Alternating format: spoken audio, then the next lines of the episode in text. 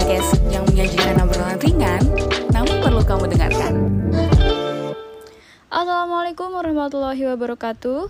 Halo Zingmania, masih ketemu lagi bareng gue Sofia Yusuf di program Ramadan Kisah 25 Nabi dan Rasul. Uh, sejauh mana nih Sigmania mengikuti podcast Sigma yang tentang kisah 25 Nabi dan Rasul? Kali ini kita masuk ke episode 17 ya. Nah, kali ini juga kita akan mengenal lebih dalam lagi kisah Nabi Daud alaihissalam dan bagaimana Nabi Daud menjadi seorang pemberani dan bertanggung jawab dalam hidupnya. Bagaimana kelanjutannya? Tetap stay tune di eksklusif Spotify.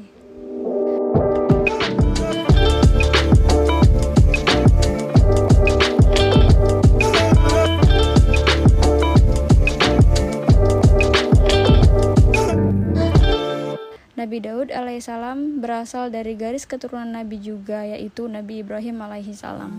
Nabi Daud alaihissalam merupakan keturunan ke-12 dari Nabi Ibrahim alaihissalam.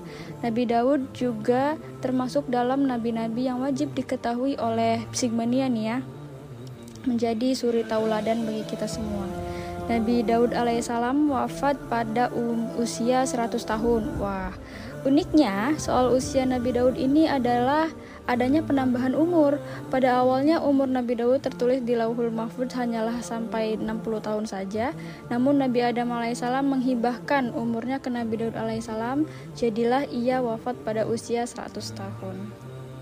Dalam berbagai literatur tentang kisah Nabi Daud alaihissalam mengisahkan keberanian seorang remaja di medan perang.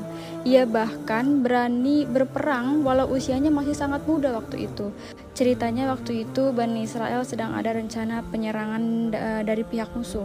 Raja Tolut kemudian menyuruh orang kepercayaannya yaitu Samiun untuk mencari tentara sukarelawan untuk melawan musuh. Samiun segera mengabarkan kepada semua masyarakat Terdengarlah kabar bahwa Raja Tolut ini sedang mencari bala tentara untuk melawan musuh ke telinga Nabi Daud. Tapi sayangnya Nabi Daud alaihissalam masih terlalu muda untuk ikut berperan se berperang sehingga tidak sehingga tidak bisa ikut dan menjadilah kakaknya tiga-tiganya yang bisa ikut dalam peperangan tersebut. Nabi Daud alaihissalam belum diperbolehkan untuk ikut berperang karena tergolong masih sangat muda dan masih sangat remaja. Akhirnya, dia hanya disuruh menggembala kambing dan bertugas mengantarkan susu kepada kakak-kakaknya di medan peperangan. Ketika Nabi Daud alaihissalam mengantarkan susu kepada kakak-kakaknya, Samiun melihatnya. Samiun yang bertugas mencari tentara pilihan untuk melawan Raja Jalut merasa Nabi Daud adalah orang yang tepat untuk itu. Nah, jadilah Samiun mengabarkan langsung kepada Raja Talut. Raja Talut pun menyetujui usul Samiun mengangkat Nabi Daud alaihissalam jadi salah satu tentara mereka. Nabi Daud alaihissalam pun sangat antusias nih menerima tawaran itu dan mempersiapkan segalanya. Mungkin ini terdengar sangat remeh ya, tapi memang begitu ceritanya, memang begitu kejadiannya. Nabi Daud alaihissalam selama di medan pertempuran antara Raja Tolut dan Raja Jalut, ia berperang dengan kecerdasan akalnya saat melawan Raja Jalut. Alat peperangan Raja Jalut ini terlihat sangat meyakinkan ya, karena perlengkapannya yang sangat lengkap, sedangkan tentara Raja Tolut hanya seadanya. Buktinya Nabi Daud alaihissalam hanya bersenjatakan ketapel saja. Wah, Sigmania bisa bayangin gak tuh? Nabi Daud alaihissalam membuktikan dengan izin Allah Subhanahu wa taala mampu merubuhkan Raja Jalut yang ditakuti itu. Ketika itu Raja Jalut sedang melawan Raja Talut yang secara kemampuannya bertarung jauh dari level dirinya ya. Akhirnya pertarungan terjadi tidak secara seimbang karena Raja Talut hampir saja terbunuh. Raja Talut ini sadar kemampuan bertarungnya di bawah Raja Jalut. Akhirnya makin terdesak tuh. Nabi Daud alaihissalam melihat itu akhirnya ikut membantu sang Raja Talut agar tidak terbunuh di tangan Raja Jalut. Nabi Daud alaihissalam memberanikan diri melawan Raja Jalut yang bertubuh besar, bersenjatakan pedang dan tameng di tangan dirinya. Sedangkan Nabi Daud alaihissalam hanya membawakan sebuah ketapel dengan tubuh kecilnya. Banyak sekali orang yang meremehkannya karena tidak mungkin sanggup e, menaklukkan Raja Jalut yang ditakuti itu. Tapi, lagi-lagi melalui izin Allah Subhanahu wa Ta'ala, ketika Nabi Daud alaihissalam melontarkan batu ketapel tersebut, ternyata langsung mengenai kepala Raja Jalut. Seketika Raja Jalut rubuh akibat kerasnya batu ketapel yang mengenai kepalanya. Raja Jalut pun tewas karena ketapel Nabi Daud alaihissalam. Bala tentara Raja Jalut melihat rajanya terbunuh pun lari tunggang langgang. Mental mereka down karena raja e, mereka telah tewas di tempat. Raja Tolut pun sangat takjub dengan kecerdasan dari Nabi Daud alaihissalam yang mengantarkan kemenangan bagi Raja Tolut. Wah, baru setengah cerita aja udah sangat seru ya, Sigmania. Oke, sekarang kita lanjut ceritanya.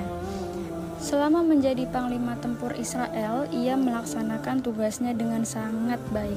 Sampai suatu ketika ada sisa-sisa perlawanan musuh yang ingin menyerang Bani Israel. Ia mampu memukul mundur musuh, namun sayangnya sang Raja Talut gugur di medan peperangan tersebut.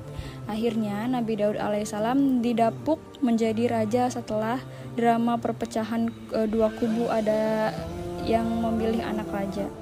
Talut sebagai penggantinya Anak Raja Tulut ini dinilai tidak berlaku adil sehingga terjadi dua kubu yang akhirnya dimenangkan oleh kubu Nabi Daud alaihissalam. Nabi Daud alaihissalam akhirnya memimpin kerajaan dengan sangat jujur dan adil. Ia bahkan menjadikan Baitul Maqdis sebagai ibu kota kerajaan. Kepandaian Nabi Daud alaihissalam terlihat ketika beliau menyelesaikan sebuah perselisihan, di mana ia berlaku uh, adil bagi mereka yang bersengketa. Tidak ada yang dirugikan nih dalam proses penyelesaian konflik tersebut. Sebagaimana Allah berfirman dalam Quran surat As-Sod ayat 26 yang artinya Hai Daud sesungguhnya kami menjadikan kamu khalifah di muka bumi ini. Maka berilah keputusan di antara manusia dengan adil dan janganlah kamu mengikuti hawa nafsu karena ia akan menyesatkan kamu dari jalan Allah Subhanahu wa taala. Sesungguhnya orang-orang yang sesat di jalan Allah akan mendapatkan azab yang berat karena mereka melupakan hari perhitungan Selain adil, tutur kata beliau juga mampu melembutkan hati yang keras bagaikan batu. Nabi Daud alaihissalam melembutkan hati yang keras dengan ayat yang ia tuturkan dari perkataannya. Inilah salah satu bentuk mukjizat dari Nabi Daud alaihissalam. Wah, hebat banget ya. Dan ini juga yang menjadikan alasan dakwah Nabi Daud alaihissalam dapat diterima oleh para kaumnya. Ia mampu meyakinkan seluruh rakyat agar mengindahkan perintah Allah Subhanahu wa taala. Tidak mengherankan Allah Subhanahu wa taala mengutus Nabi Daud alaihissalam untuk meluruskan kembali jalan mereka sepeninggalan Nabi Musa dan Nabi Harun alaihissalam. Tak hanya itu, Nabi Daud alaihissalam juga mampu menundukkan gunung agar ikut bertasbih bersama dirinya setiap hari pada waktu fajar dan senja. Beliau juga mampu berbicara dengan hewan salah satunya ketika ia ditegur oleh seekor ulat. Beliau ditegur karena telah meremehkan seekor ulat yang tidak bisa apa-apa, tapi bisa bertasbih dan berbicara dengan Nabi Daud alaihissalam. Bukan hanya itu saja, Nabi Daud alaihissalam secara fisik mampu menekuk besi tanpa harus memakai alat pemanas. Ia mampu membuat baju besi yang hanya menggunakan kedua tangannya saja, padahal biasanya harus dipanaskan dulu lewat pembakaran api. Genap berusia 40 tahun, Nabi Daud alaihissalam mendapatkan risalah kenabian dari Allah Subhanahu wa taala. Nabi Daud alaihissalam menerima kitab suci Zabur untuk Bani Israel. Kitab Zabur merupakan salah satu bentuk iman umat Islam terhadap kitab-kitab yang diturunkan Allah Subhanahu wa taala kepada para rasulnya. Ahlak Bani Israel yang kala itu porak-poranda membutuhkan pedoman hidup agar menjalankan kehidupan yang berbudi luhur dan tiada menyekutukan Allah Subhanahu wa taala. Secara urutan, kitab Zabur diturunkan setelah kitab Taurat yang diturunkan kepada Nabi Musa alaihi salam. Kitab yang diturunkan kepada Nabi Daud alaihi salam menggunakan bahasa Qibti Turunnya kitab Zabur untuk Bani Israel disinggung dalam firman Allah Subhanahu wa taala pada surat Al-Isra ayat 55 dan surat An-Nisa ayat 163. Keterangan tentang Zabur ditemukan pula pada surat Al-Imran ayat 184 dan Al-Anbiya ayat 105, lalu As-Soba ayat 10. Kitab Zabur oleh sebagian ulama disebut juga dengan istilah kitab Zamir Zamir berasal dari kata Ibrani yang artinya sama dengan Zabur yang bermakna lagu atau musik. Isi daripada kitab Zabur ada 150 nyanyian mazmur yang didendangkan oleh Nabi Daud alaihissalam. Suara yang dimiliki yang dimiliki oleh Nabi Daud alaihissalam pun cukup bagus ya dan piawa pengatur nada. Kitab Zabur secara isi rupanya sangat berkaitan dengan kehidupan Nabi Daud alaihissalam. Kitab Zabur juga berbicara tentang pengakuan dosa, kisah kejatuhannya pengampunan dosa, sukacita terhadap kemenangan menghadapi musuh Allah, kemuliaan Allah seperti dinyatakan alam, hukuman Allah hingga kemuliaan Mesiah yang akan datang yakni kehadiran Nabi Muhammad SAW. Kecerdasan yang diberikan oleh Allah Subhanahu wa taala mampu membuat Nabi Daud alaihissalam memahami kitab Zabur dengan sangat baik.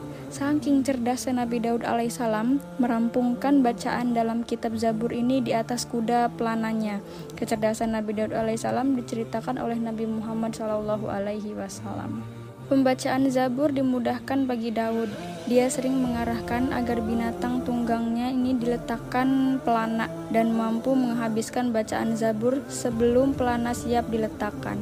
Dan dia tidak akan makan selain hasil dari kerjanya sendiri. Barokallah, hadis riwayat Bukhari.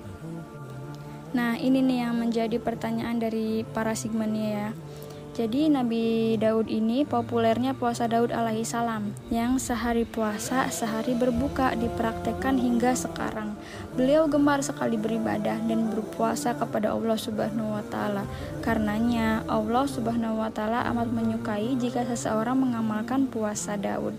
Amalan puasa Daud alaihissalam dijelaskan dalam hadis Rasulullah Shallallahu diriwayatkan oleh Abdullah bin Amr Puasa yang lebih disukai oleh Allah Subhanahu wa taala ialah puasa Daud dan sholat yang paling disukai Allah ialah sholat Daud. Beliau tidur seperdua malam, bangun sepertiganya, lalu tidur seperenamnya, lalu beliau berpuasa satu hari dan berbuka satu hari. Hadis riwayat Bukhari dan Muslim. Nah, Sigmania Begitulah kisah Nabi Daud dengan segala keberanian dan kecerdasannya yang sangat mengagumkan. Mungkin seandainya kita dapat bertemu dengan beliau, itu suatu anugerah terbesar bagi kita semua. Gue rasa cukup untuk pertemuan kali ini. Gak lupa gue ingetin buat terus kunjungi dan ikuti akun sosial media LPM Sigma di webnya www.lpmsigma.com dan Instagramnya di @lpmsigma. Well, sampai jumpa kembali di episode selanjutnya. Gue Sofia Yusuf pamit undur diri. Wassalamualaikum warahmatullahi wabarakatuh.